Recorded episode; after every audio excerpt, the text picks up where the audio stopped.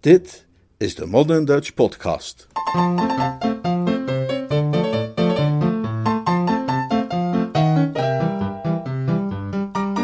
Jeeves is uniek. Een verhaal uit de pseudoroman The Inimitable Jeeves van P.G. Woodhouse, vertaald en voorgelezen door Leonard Beuger.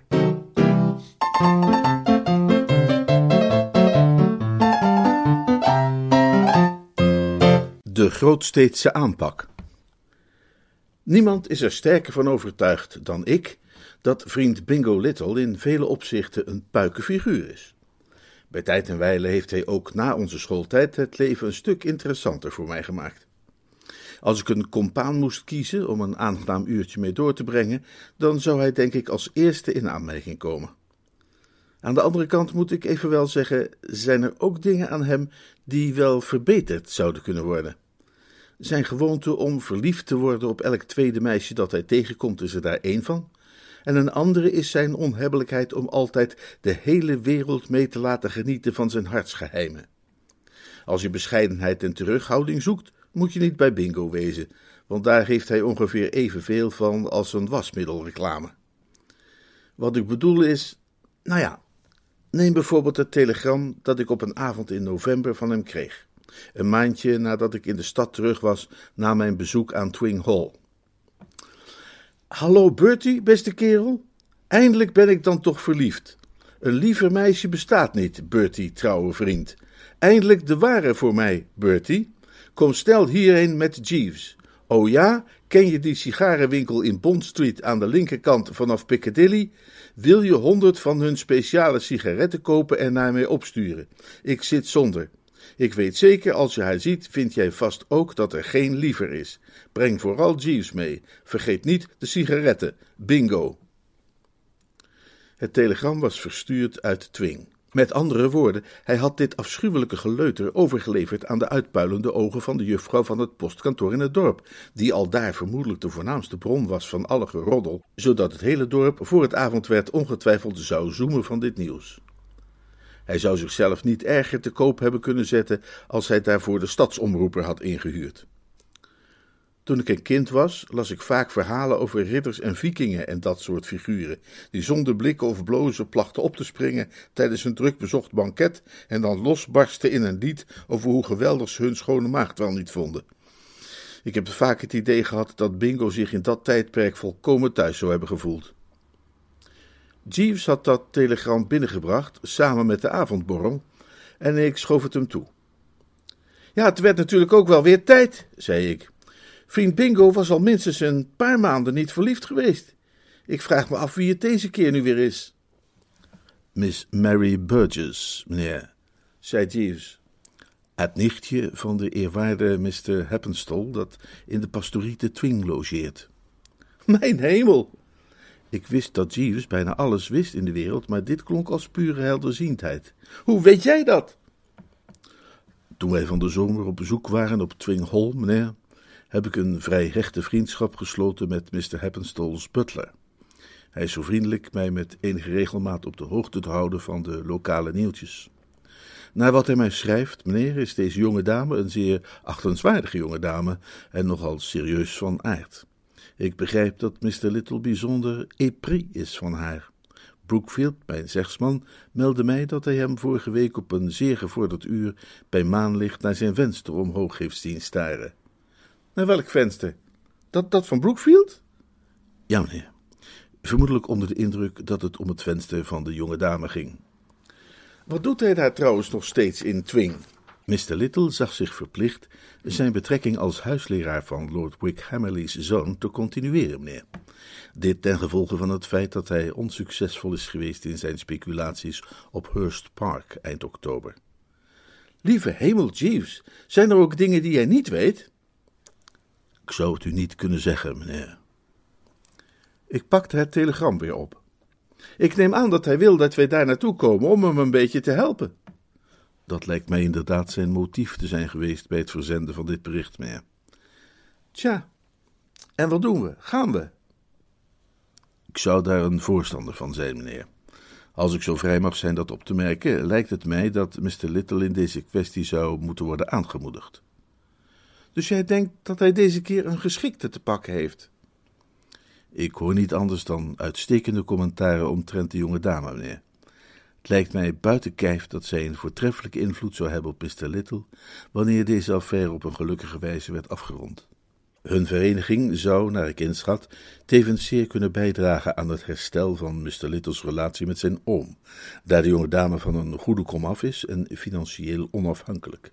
Kortom, meneer, wanneer er iets is dat wij zouden kunnen bijdragen, dan zouden wij dat, naar mijn mening, niet moeten nalaten. Met jou in zijn team, Jeeves, zei ik, zie ik niet hoe dat mis zou kunnen gaan. Dat is bijzonder vriendelijk van u, meneer. Uw lof wordt zeer geapprecieerd. Bingo haalde ons de volgende dag af van het station in Twing en stond erop dat ik Jeeves met de koffers vooruit stond in de wagen, terwijl hij en ik gingen lopen. Zodra we op weg gingen, begon hij over dat meisje. Ze is ongelooflijk, Bertie. Ze is niet een van die oppervlakkige, frivole meisjes van tegenwoordig. Ze is allerliefst, serieus en verrukkelijk ernstig.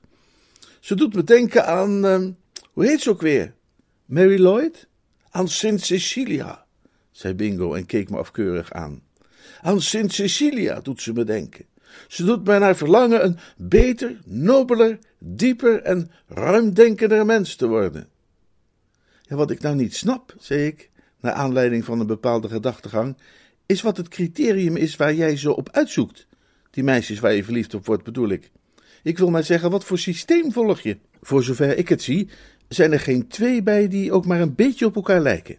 Eerst had je die Mabel, die serveerster, toen Honoria Glossop, en daarna dat afgrijzelijke mens Charlotte Corday Rowbottom. Ik geef toe dat Bingo zo beschaafd was om even te huiveren. Zelf moest ik ook altijd huiveren als ik aan die Charlotte dacht.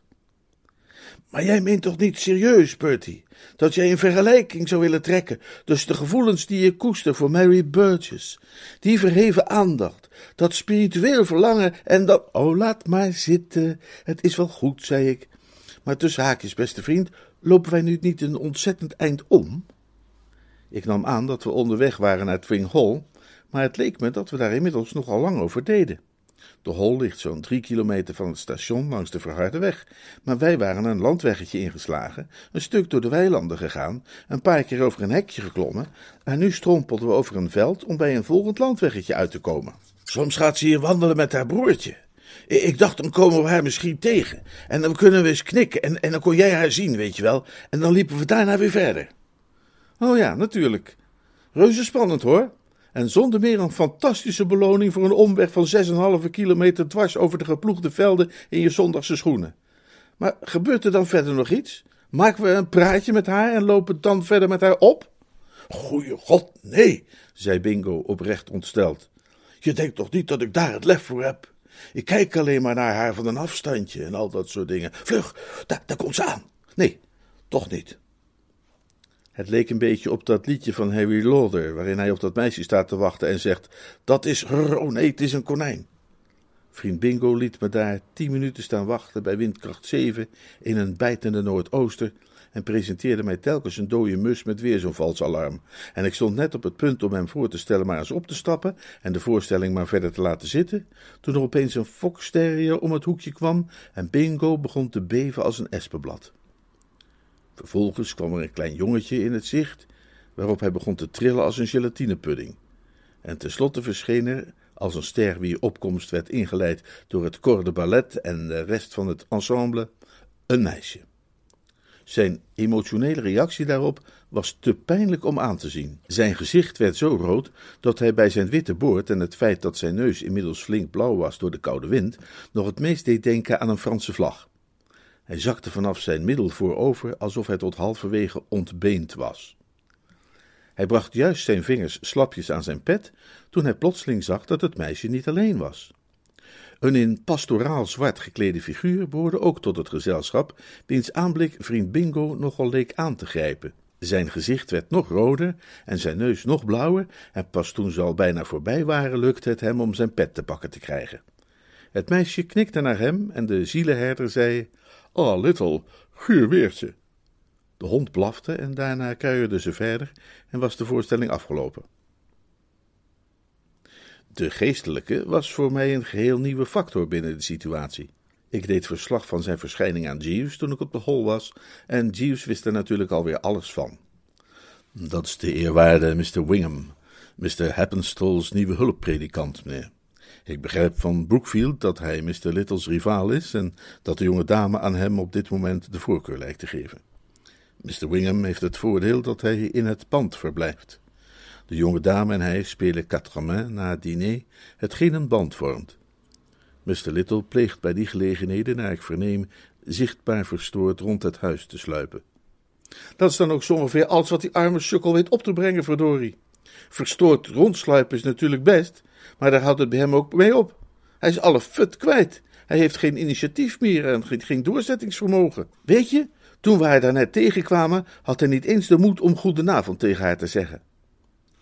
Ik begrijp dat Mr. Little's affectie wellicht te zeer gemengd is met eerbied en ontzag, meneer. Tja, maar hoe kunnen we in hemelsnaam iemand helpen met zo'n hazard? Heb jij een idee? Als ik hem straks spreek na het diner, is gegarandeerd het eerste wat hij vraagt wat jij te adviseren hebt. Naar mijn mening, meneer, zou het de meest verstandige koers zijn die Mr. Little kan kiezen, zich te concentreren op de jonge heer. Op de jonge heer? Ah, dat broertje. Hoe bedoel je dat? Hij zou hem tot zijn vriend kunnen maken, meneer. Wandelingetjes met hem gaan maken en dergelijke. Hm, dat klinkt niet als een van jouw meest flitsende ideeën. Ik moet zeggen dat ik wel wat sappigers van je verwacht had dan dat. Het zou een begin zijn, meneer, en zou tot meer kunnen leiden. Oh ja, ik, ik zal het tegen hem zeggen. Zij beviel mij trouwens wel, Jeeves. Ze leek me heel aardig. Een bijzonder achtenswaardige jonge dame, meneer.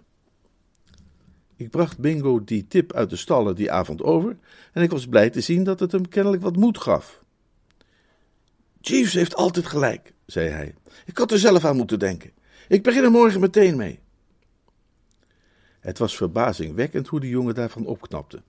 Lang voordat ik terugging naar de stad, was het al iets alledaags voor hem geworden om met dat meisje te praten. Ik bedoel, als ze elkaar tegenkwamen, zag hij er niet langer uit alsof hij was opgezet.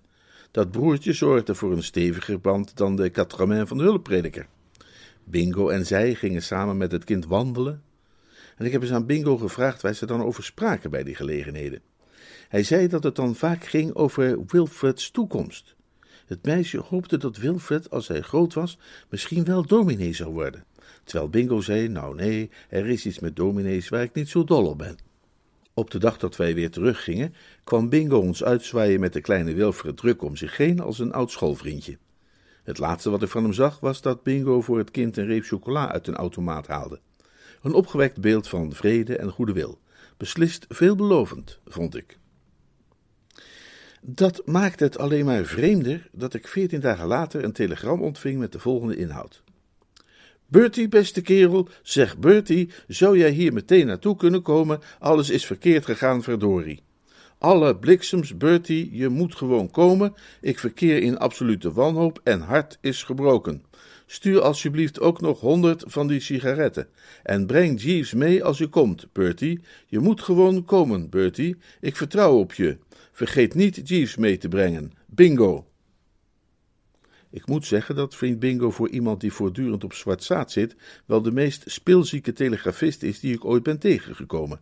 Hij heeft absoluut geen idee hoe je iets kunt inkorten in telegramstijl. De sukkel giet eenvoudig de inhoud van zijn gewonde ziel uit, a twee dubbeltjes per woord of wat het zijn mag, zonder daar verder over na te denken. Wat zeg je van Jeeves? vroeg ik. Ik krijg er zelf wel een beetje genoeg van. Ik kan niet om de andere week al mijn afspraken gaan afzeggen, omdat ik weer eens naar Twing moet afreizen om vriend Bingo bij te staan.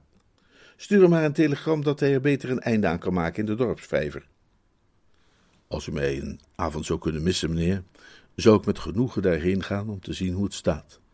Oh, Jan Dori. Nou ja, ik, ik vrees dat er weinig anders op zit. Uiteindelijk ben jij degene die hij nodig heeft. Vooruit, ga dan maar. Doe je best. Jeeves kwam de volgende dag pas laat terug. En? vroeg ik. Jeeves toonde zich verontrust. Hij liet zijn linker wenkbrauw op bezorgde wijze kort omhoog schieten. Ik heb gedaan wat ik kon, meneer, maar ik vrees dat de kansen er voor Mr. Little niet erg florisant bij staan. Sinds ons jongste bezoek, meneer, heeft een en ander zich op bepaald sinistere en onheilspellende wijze ontwikkeld. Oh ja, leg eens uit. U U zult zich stellig Mr. Staggles herinneren, meneer? De jonge man die zich in de pastorie bij Mr. Happenstall op zijn examens voorbereidde? Wat heeft Staggles hier nu weer mee te maken? Ik verneem van Brookfield, die toevallig iets van een bepaald gesprek opving, dat Mr. Staggles zich voor de affaires van Miss Burgess interesseert, meneer. Grote goden, hij organiseert daar toch geen weddenschappen op? Ik begrijp dat hij inderdaad wetsommen accepteert van mensen in zijn directe omgeving, meneer. Tegen Mr. Little, wiens kansen hij niet erg hoog schijnt aan te slaan. Dat bevalt me niets, Jeeves. Nee, meneer. Het is onheilspellend. Naar wat ik van die stekkels weet, zullen we moeten vrezen voor smerige streken. Daar is er al minstens één van gepasseerd, meneer. Nu al? Ja, meneer. Het schijnt dat, in gevolg het beleid dat ik de eer had hem te mogen suggereren, eh, Mr. Little met de jonge heer Burgess de liefdadigheidsbazaar bezocht van de kerk. Ook Mr. Steckles was daar met de jonge heer Heppenstall, de jongere zoon van de eerwaarde Mr. Heppenstall, die op het moment thuis is uit rugby om te herstellen van een aanval van de bof. Zij ontmoetten elkaar in de theeschenkerij, waar Mr. Steckles op dat ogenblik de jonge heer Heppenstall trakteerde. Om een lang verhaal kort te maken, meneer, de twee heren werden bijzonder geboeid door de gretige wijze waarop de beide jongens op de geboden lekkernijen aanvielen, en Mr. Staggles stelde een weddenschap voor met betrekking tot de hoeveelheid voedsel die elk van hen zou kunnen verwerken, waarbij ieder een pond zou inzetten op zijn eigen kandidaat. Mr. Little gaf mij naderhand toe dat hij een zekere aarzeling voelde bij de gedachte aan wat er zou kunnen gebeuren wanneer Miss Burgess van de zaak te horen zou krijgen, maar zijn goklust was dermate gewekt dat hij toch instemde met de wedstrijd. Die werd vervolgens gespeeld met opperste bereidheid en enthousiasme van de beide jongens, waarbij uiteindelijk de jonge heer Burgess Mr. Littles vertrouwen in hem rechtvaardigde door te winnen, zij het niet dan na een hevige strijd. De volgende dag werden de beide deelnemers gekweld door aanzienlijke pijnen in het onderlichaam. Er werden hen vragen gesteld en bekentenissen afgedwongen, en ik hoorde van Brookfield, die op dat moment toevallig nabij de deur van de kleine salon verbleef, dat Mr. Little een bijzonder onaangenaam gesprek te voeren kreeg met de jonge dame, dat culmineerde in haar wens hem nooit meer te zien of te spreken. Het is een onmiskenbaar feit dat als er ooit iemand is geweest voor wie je uit moest kijken, dat wel Steggles was. Machiavelli zou er goed aan gedaan hebben een schriftelijke cursus bij hem te volgen. Maar dat was toch duidelijk een opzetje, Jeeves? Ik bedoel, Steggles heeft dat doelbewust zo gedaan. Het is typisch zijn manier van vals spelen. Daar lijkt geen twijfel aan te bestaan, meneer. Tja, het lijkt erop dat hij vriend Bingo grondig heeft uitgeschakeld. Dat is de algemeen heersende opinie, meneer. Brookfield vertelt mij dat in herberg De Koe en de Paarden in het dorp volop zeven om één geboden wordt ten gunste van Mr. Wingham, maar dat er niemand op wil inzetten. Lieve hemel, wedden ze daar in het dorp nu ook al om? Ja, meneer. En in de omliggende gehuchten. De kwestie heeft alom belangstelling gewekt. Ik hoor dat de spelers zelfs interesse hebben getoond in een zo ver afgelegen oord als Lower Bingley. Tja, ik zie niet wat we hier aan kunnen doen. Als Bingo zo'n sukkel is dat hij. Ik vrees ook dat hier een verloren strijd wordt gestreden, meneer. Maar ik ben toch zo vrij geweest Mr. Little een tactiek te adviseren die hem tot voordeel kan strekken. Ik heb hem aanbevolen zich te gaan bezighouden met liefdadigheid. Liefdadigheid? Ja, hier in het dorp, meneer. Ziekenbezoek, eh, voorlezen aan bedlegerigen, dat soort dingen. Daar is niet anders dan een goed resultaat van te verwachten. Ja, dat zal wel, zei ik wat twijfelachtig. Maar zakkerloot, als ik ziek was, zou ik het wel vreselijk vinden als er dan ook nog een halve gare als bingo naast mijn bed kwam zitten wauwelen. Dat is ook een aspect van de zaak natuurlijk. Wekenlang hoorde ik niets van Bingo. En na een tijdje nam ik aan dat het hem waarschijnlijk toch allemaal wat te veel was geworden en dat hij de handdoek in de ring had gegooid. Tot op een avond niet ver voor kerstmis. Ik kwam nogal laat thuis, want ik was wezen dansen in de embassy. Ik was behoorlijk moe, want ik had van na het diner tot twee uur s'nachts praktisch non-stop op de dansvloer gestaan. En waar ik nu dringend behoefte aan had, was mijn bed. Wie schetst dus mijn ergernis en dat soort dingen meer, toen ik na mijn kamer te zijn binnengestrompeld en het licht te hebben aangedaan, op mijn bloedeigen kussen het smoelwerk aantrof van vriend Bingo. Uit het niets opgedoken lag die sukkel daar in mijn bed te slapen als een baby, met een, met een soort blije, dromerige glimlach op zijn malle bakkes. Dat ging toch wel, wel erg ver, moet ik zeggen. Wij woesters zijn helemaal voor een authentiek middeleeuwse gastvrijheid enzovoorts, maar als het gaat om kerels die onverwacht je bed liggen te confisceren, begint het toch echt een beetje te gortig te worden. Ik hief even nadrukkelijk de rechterschoen en Bingo ging rochelend overeind zitten. Uh, is er, is er, vroeg hij. Wat doe jij potverdrie in mijn bed? Oh, hallo, Bertie. Daar, daar ben je dus. Ja, hier ben ik. Wat doe jij in mijn bed? Ik was vanavond hier in de stad voor zaken. Ja, dat is prima, maar wat doe je in mijn bed? Potverdorie, Bertie, zei Bingo chagrijnig. Zaan ik toch niet zo over dat vervloekte bed van jou? Er staat er nog geen klaar in de logeerkamer. Ik heb het Jeeves met eigen ogen zien opmaken. Ik denk dat hij het voor mij bedoeld had, maar ik weet dat jij de volmaakte gastheer bent, dus ik ben er maar meteen hierheen gekropen. Maar Bertie, zei Bingo, de discussie over slaapgelegenheden kennelijk zat, ik zie lichtdagen. Nou, het is anders nog geen drie uur in de ochtend. Figuurlijk gesproken natuurlijk, sukkel, overdrachtelijk. Ik bedoel dat er hoop begint te gloren. Wat Mary Burgess betreft, weet je wel? Ga zitten, dan zal ik je alles over vertellen. Ik ga niet zitten, ik ga slapen. Om te beginnen, zei Bingo, terwijl hij zichzelf comfortabel in de kussens nestelde en een sigaret kaapte uit mijn speciale privédoos. Ik moet nogmaals eer brengen aan die onvolprezen Jeeves. Hij is een moderne Salomon. Ik zat lelijk in het schip toen ik bij hem kwam om raad, maar hij kwam meteen met een tip die mij er bovenop heeft geholpen. En ik gebruik die uitdrukking voorzichtig en bescheiden. Misschien heeft hij je verteld dat hij mij aanbevolen heeft om het verloren terrein terug te winnen door mij te wijden aan werken van liefdadigheid. Bertie, beste kerel. De laatste twee weken heb ik zo verschrikkelijk veel zieken bezocht en getroost, dat als ik een broer had en jij zette hem voor meneer op zijn ziekenbed, ik nog het liefst een baksteen naar zijn kop zou smijten. Potverdorie. Maar hoewel het me bloed, zweet en tranen heeft gekost, heeft dat plannetje prima voor me gewerkt. Toen ik daar nog geen week mee bezig was, begon ze al zichtbaar te ontdooien. Ze knikte weer naar me als we elkaar tegenkwamen op straat en zo meer.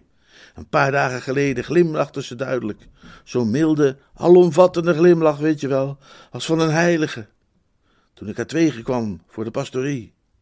En gisteren, herinner jij je die klerikale figuur nog? Wingham, kerel met een lange neus? Ja, natuurlijk herinner ik me die. Jouw rivaal. Rivaal? Bingo trok zijn wenkbrauwen op. Tja, Misschien zou je hem op zeker moment wel zo hebben kunnen noemen, al klinkt dat toch erg vergezocht. Oh ja? zei ik, geërgerd door zijn ziekmakende zelfverzekerdheid. Nou, laat me je dan wel vertellen dat het laatste wat ik heb gehoord was dat ze in de koe en de paarden in Twing en overal, tot Lower Bingley aan toe, zeven om één boden voor die dominee en dat zelfs daar niemand instapte. Bingo ging verschrikt overeind zitten en strooide daarbij sigarettenas over heel het bed. Weddenschappen! Pruttelde hij. Weddenschappen! Je wilt toch niet zeggen dat er weddenschappen werden afgesloten op dit gewijde, dit, dit heilige.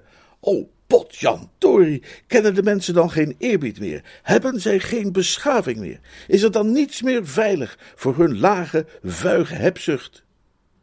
Ik vraag me af of er voor mij ook een kans is om iets van dat zeven om één geld in handen te krijgen. Zeven om één. Wat een quotering. Wie biedt dat, weet je dat? Oh, nou ja, hm. ja. Misschien zou het ook niet erg passend zijn. Nee, nee, nee, nee, misschien eigenlijk ook niet. Je lijkt er nogal vertrouwen in te hebben. Ik heb steeds gedacht dat Wingham. Oh, voor Wingham ben ik niet bang. Dat, dat wilde ik je net gaan vertellen. Wingham heeft de bof en is voorlopig voor weken uitgeschakeld. En plezierig als dat op zichzelf al is, dat is niet alles. Hij deed namelijk de productie van de kerstvoorstelling van de dorpsschool in Twing. En nu heb ik dat baantje van hem overgenomen. Ik ben gisteren naar de oude Heppenstol gegaan en ik heb dat contract weten te bemachtigen. En ja, je snapt wat dat betekent. Drie hele weken lang zal ik het absolute middelpunt zijn van het dorpsleven, met een schitterende apotheose om dat af te ronden. Iedereen zal naar me opkijken en me met eerbied behandelen en al dat soort dingen meer, snap je wel? En dat moet wel een machtig effect hebben op Mary's denkwijze. Het zal haar tonen dat ik echt iets kan presteren, dat ik in de grond een heel degelijk mens ben en dat ze misschien ooit wel gedacht heeft dat ik maar wel door het leven fladder als een vlinder, maar dat ik in werkelijkheid goed, goed, goed. Verder geloof ik het wel. Het is namelijk iets heel belangrijks, weet je, die kerstvoorstelling. De oude Heppenstal voelt zich er sterk bij betrokken. Chique types van overal uit de provincie komen naar kijken. De plaatselijke landheer met zijn familie is erbij. En dit is een enorme kans voor mij, Bertie, en die ga ik zo goed mogelijk uitbuiten. Ik ben natuurlijk wel een beetje gehandicapt, doordat ik er niet vanaf het begin bij ben geweest. Wil je wel geloven dat die fantasieloze oliebol van een hulppredikant het publiek wilde trakteren op een waardeloos oud sprookjestuk uit een kinderboek van vijftig jaar geleden, waar je niet één keer om kunt lachen, waar ook niets in zit dat ook maar een beetje leuk gedaan is? Het is te laat om het hele ding te veranderen, maar ik kan het natuurlijk nog wel een beetje oppeppen. Ik ga wat pittige scènes schrijven en andere lollige dingetjes inlassen om er iets swingends van te maken. Maar je kunt helemaal niet schrijven. Nou ja, als ik zeg schrijven, dan bedoel ik jatten. Dat is waarom ik naar Londen gekomen ben. Ik ben gisteravond naar die show gaan kijken in het Palladium. Kom eens bij me. Heet die. Die zit stampvol goede ideeën. Het is natuurlijk best lastig om een beetje spectaculaire effecten te bereiken in het dorpshuis van Twing, zonder fatsoenlijke decors en met bewijzen van koor en ballet, een stelletje praktisch imbeciele kinderen van tussen 9 en 14 jaar oud, maar ik denk toch dat ik wel uitkom. Heb jij Kom eens bij me gezien? Ja, twee keer. Mooi. Er zitten een paar hartstikke goede dingen in het eerste bedrijf en bijna alle liedjes kan ik zo overnemen. En dan is er nog die show in het Palace Theater. Daar kan ik morgen de matinee van zien voordat ik terug ga. Daar zit ook vast en zeker een paar bruikbare dingen in. Wees maar niet bang dat het mij niet zal lukken een toneelhit te schrijven. Laat dat maar aan mij over, ouwe jongen. Laat dat maar aan mij over. Maar, beste knul, zei vriend Bingo terwijl hij eens lekker tussen de dekens kroop. Je moet me niet de hele nacht aan de praat houden. Dat is misschien leuk voor gasten zoals jij die niks te doen hebben, maar ik ben een druk bezet man. Wel de kerel. Doe de deur zachtjes achter je dicht en vergeet niet het licht uit te doen. Ontbijt morgenochtend om een uur of tien neem ik aan. Mooi, mooi. Wel rusten dan. De drie weken daarna kreeg ik Bingo niet te zien. Hij werd zoiets als de stem uit de verte daar hij de gewoonte aannam mij telefonisch te consulteren over alle mogelijke problemen die hij bij de repetities tegenkwam. Totdat hij mij al een keer s'morgens om acht uur uit bed belde om te vragen of ik vond dat Vrolijk Kerstfeest een goede titel was. Hij werd zoiets als de stem uit de verte, daar hij de gewoonte aannam mij telefonisch te consulteren over alle mogelijke problemen die hij bij de repetities tegenkwam. Tot hij mij een keer als morgens om acht uur uit bed belde om te vragen of ik vond dat Vrolijk Kerstfeest een goede titel was. Ik zei tegen hem dat aan die overlast nu toch eens een einde moest komen. Daarna hoorde ik niets meer van hem en verdween hij praktisch gezien uit mijn leven. Tot ik op zekere middag thuis kwam om mij te verkleden voor het diner en daar Jeeves aantrof die bezig was een enorm affiche te bestuderen dat hij over de rug van een fauteuil had gedrapeerd. Grote goedheid, Jeeves, zei ik. Ik voelde al wat slapjes die dag en dat ding schokte me. Wat is dat is hemelsnaam? Mr. Little heeft me dat toegestuurd, meneer, met het verzoek het onder uw aandacht te brengen. Nou, dat is je dan gelukt. Ik bekeek het geval nog een keer. Het was zonder meer iets dat in het oog liep. Het was meer dan twee meter lang en de meeste letters die erop stonden waren gedrukt in een zo goed als lichtgevend rood. Dit was wat erop stond. Dorpshuis Twing, vrijdag 23 december, Richard Little, presenteert een nieuwe en oorspronkelijke revue, getiteld Heidaar Twing. Scenario Richard Little. Liedteksten Richard Little. Muziek Richard Little. Met medewerking van het voltallig Twings Jeugdgezelschap en Koor. Vormgeving Richard Little. Productie en regie Richard Little. Wat zeg jij ervan, Jeeves? Moet bekennen dat ik enigszins mijn twijfels heb, meneer. Ik denk dat Mr. Little er verstandiger aan gedaan zou hebben mijn advies op te volgen en zich te beperken tot werken van liefdadigheid in het dorp. Jij vreest dat het een flop wordt? Ik durf mij niet aan een veronderstelling te wagen, meneer, maar naar mijn ervaring worden de dingen waar het Londense publiek enthousiast voor is, niet altijd gewaardeerd in de provincie. De grootsteedse aanpak blijkt soms toch net iets te exotisch voor onze plattelandsbevolking. Ik neem aan dat ik daar naartoe moet om dat verdomde ding te gaan bekijken. Ik denk dat Mr. Little zich zeer gekwetst zou voelen wanneer u niet aanwezig was, meneer. Het dorpshuis van Twing is een niet zo erg groot gebouw dat sterk naar appels ruikt. De zaal was al vol toen ik aankwam zetten op de avond van de 23e, want ik had het opzettelijk zo uitgemikt dat ik niet lang voor de aftrap zou arriveren. Ik had al eerder een of twee van zulke bijeenkomsten bijgewoond en ik wilde niet graag het risico lopen dat ik door vroeg te komen een plaats zou krijgen ergens vooraan, zodat ik niet halverwege de festiviteiten stilletjes naar buiten zou kunnen glippen als de omstandigheden daartoe aanleiding gaven. Ik wist mij te verzekeren van een prima strategisch plaatsje nabij de deur achter in de zaal. Van waar ik stond kon ik ook het publiek uitstekend waarnemen. Zoals altijd bij dit soort gelegenheden werden de eerste rijen bezet door de deftige lui, dat wil zeggen de plaatselijke landgoedbezitter, een oude jachtliefhebber met witte bakkenbaarden rond een paars gezicht, zijn familie, een regiment dominees uit de nabije omgeving en een paar dozijn vooraanstaande kerkpilaren.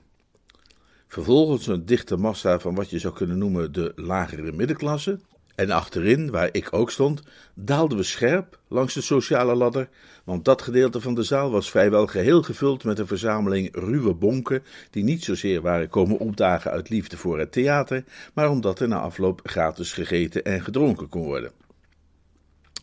Alles bij elkaar een representatieve vertegenwoordiging van het dagelijks leven en denken te Twing.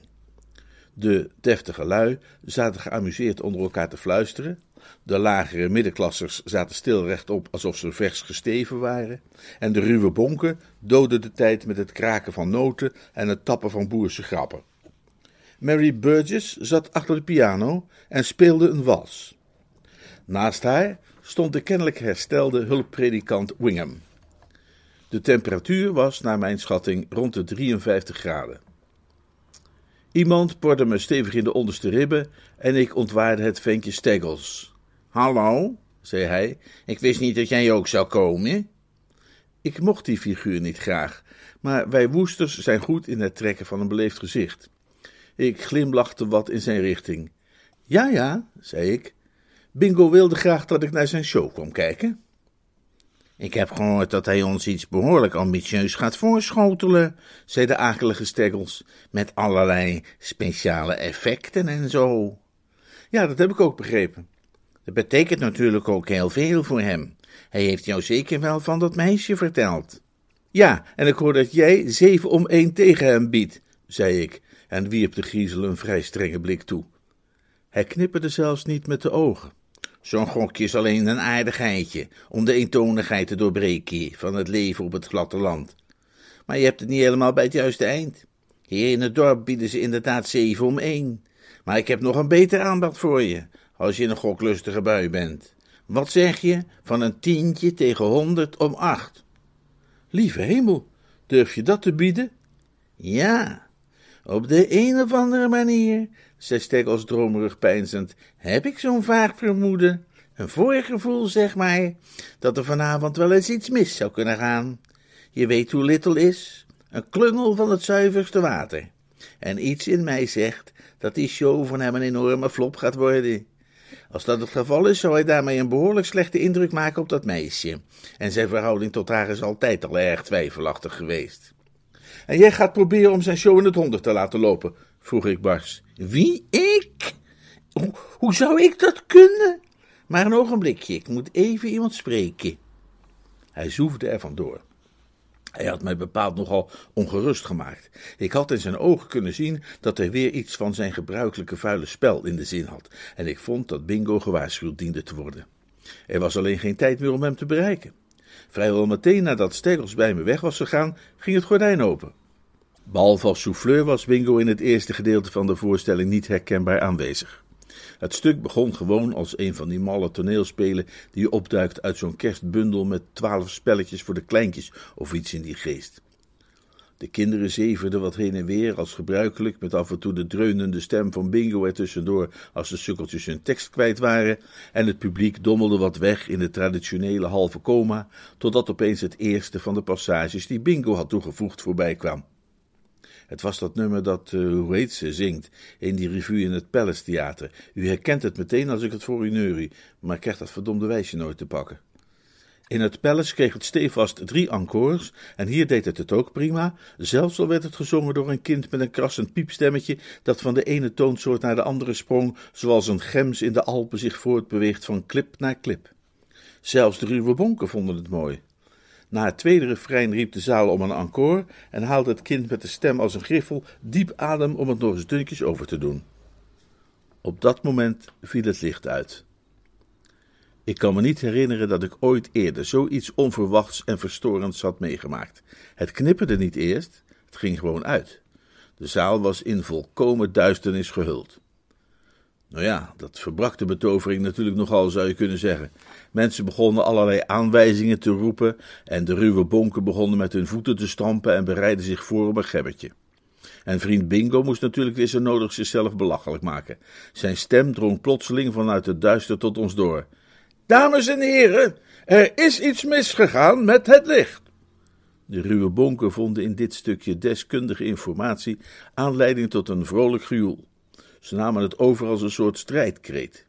Maar na een minuut of vijf ging het licht weer aan en werd de voorstelling voortgezet.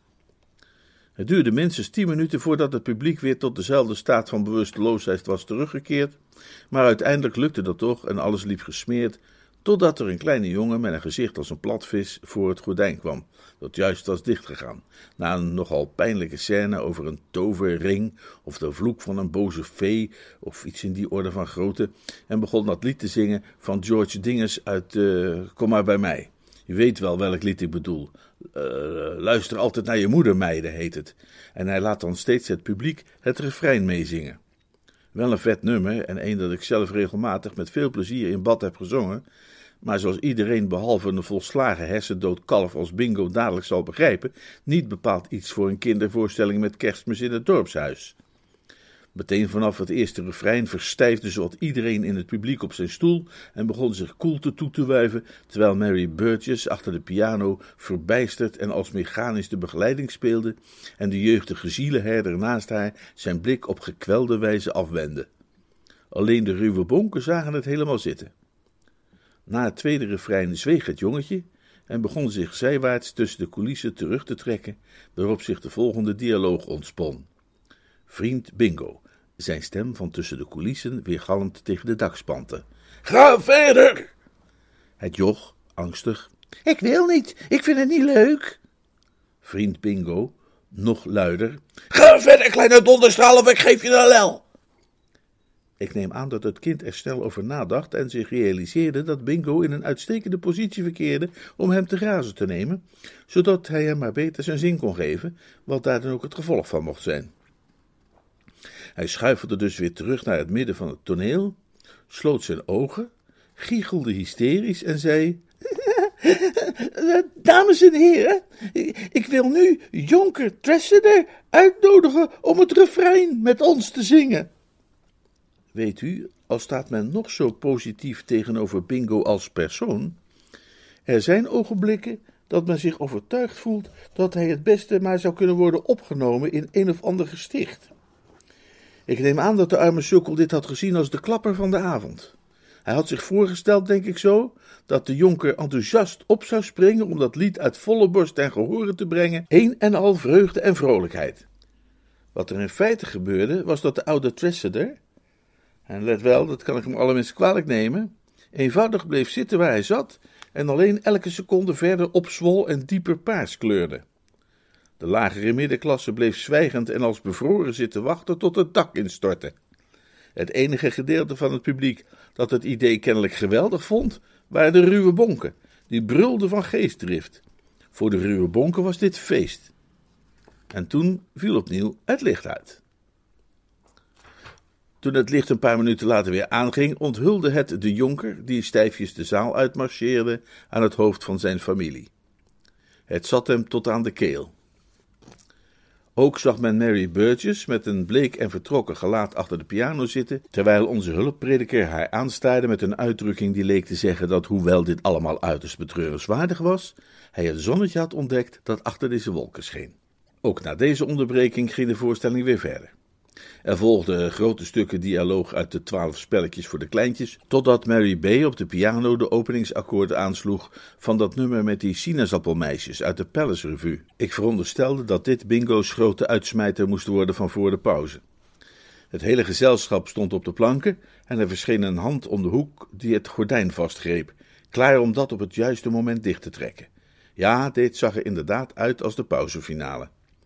Het duurde niet lang eer ik besefte dat het veel meer was dan dat. Het was het absolute einde. Ik neem aan dat u dat sinaasappelnummer uit de Palace kent.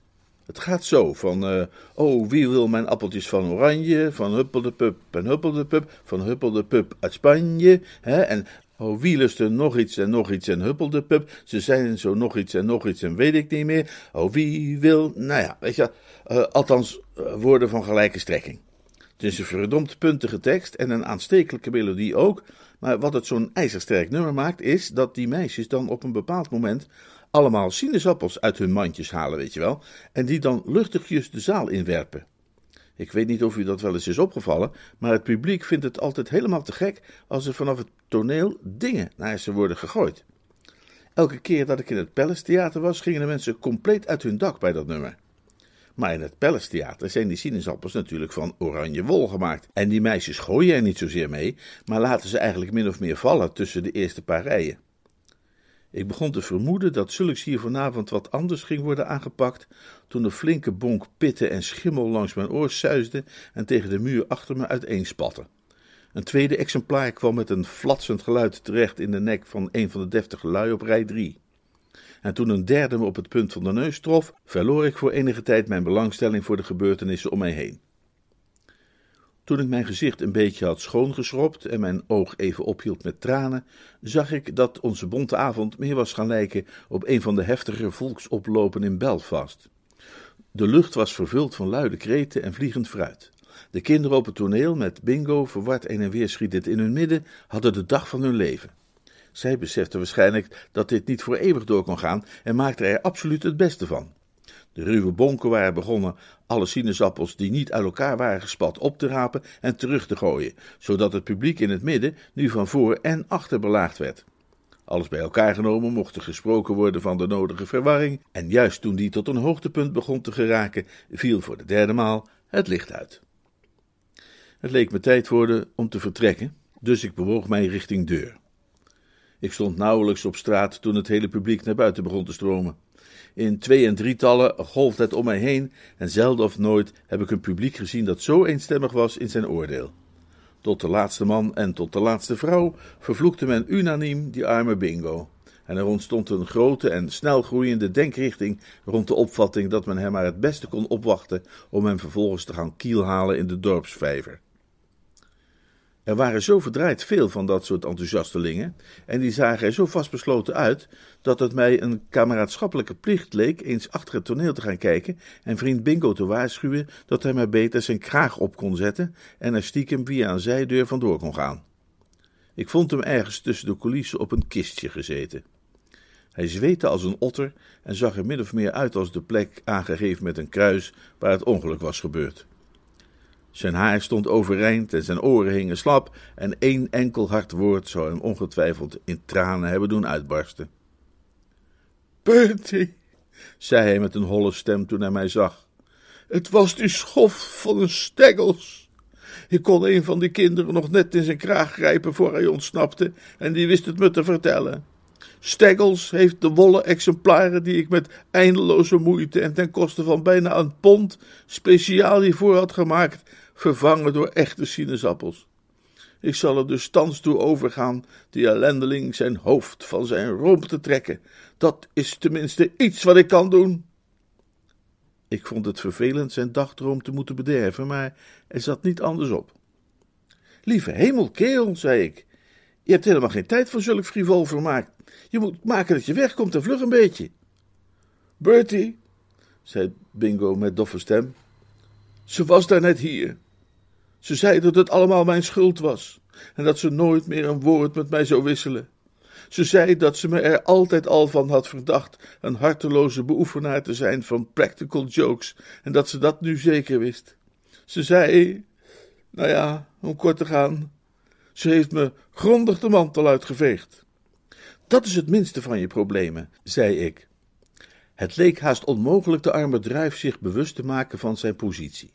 Besef jij wel dat daar buiten tweehonderd van de meest uit de kluiten gewassen twingenaren op je staan te wachten om je in de vijver te gooien? Nee, absoluut. Heel even leek de arme kerel aangeslagen, maar inderdaad heel even. Bingo heeft altijd al iets gehad van het degelijke oud-Engelse buldoggras. Eén moment trok er een vreemde, montere glimlach over zijn gezicht. Dat komt wel goed, zei hij. Ik smeer hem wel via de kelder en dan over de muur aan de achterkant. Mij krijgen ze niet klein.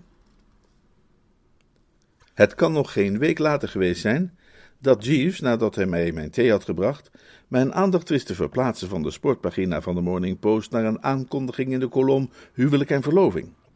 Het was de aankondiging van het voorgenomen huwelijk tussen de hoogwelgeboren en weleerwaarde Hubert Wingham, derde zoon van de hooggeboren graaf van Sturridge en Mary, enige dochter van wijlen Matthew Burgess van Weatherlycourt, Hampshire. Natuurlijk, zei ik, nadat ik er mijn blik over had laten weiden. Dat had ik wel gewacht, Jeeves. Zeker, meneer. Wat er die avond gebeurd is, zou ze hem nooit hebben vergeven. Nee, meneer. Nou ja, zei ik, terwijl ik een teugje nam van de aromatische ochtendkop. Het zal wel niet zo lang duren eer Bingo er overheen is. Dit is zowat de honderd en elfde keer dat zoiets als dit hem overkomt. Jij bent veel meer degene voor wie het me spijt. Ik, meneer? Ja, verdorie. Je zult toch niet vergeten zijn wat een afgrijselijke hoop moeite jij gedaan hebt om een en ander voor Bingo in orde te krijgen. Ik vind het heel spijtig dat al die inspanning nu voor niets is geweest. Niet geheel en al voor niets, meneer. Huh? Het is waar dat mijn pogingen om een verbintenis tot stand te brengen tussen Mr. Little en de jonge dame zonder succes gebleven zijn, maar ik kan toch met een zekere tevredenheid op de gebeurtenissen terugkijken. Omdat je nu eenmaal gedaan hebt wat je kunt, bedoel je? Niet alleen dat, meneer. Hoewel die gedachte mij uiteraard genoeg geschenkt. Ik doelde meer in het bijzonder op het feit dat die hele geschiedenis ook in financieel opzicht lucratief is gebleken. Lucratief in financieel opzicht? Hoe bedoel je? Toen ik hoorde dat Mr. Steggles zich voor de kwestie was gaan interesseren, heb ik gezamenlijk met mijn vriend Brookfield de weddenschappen die gesloten waren bij de kastelein van de koe en de paarden weten af te kopen. Dat is een uiterst rendabele investering gebleken, meneer. Niertjes met champignons op toast. Ik breng ze u zodra u schat.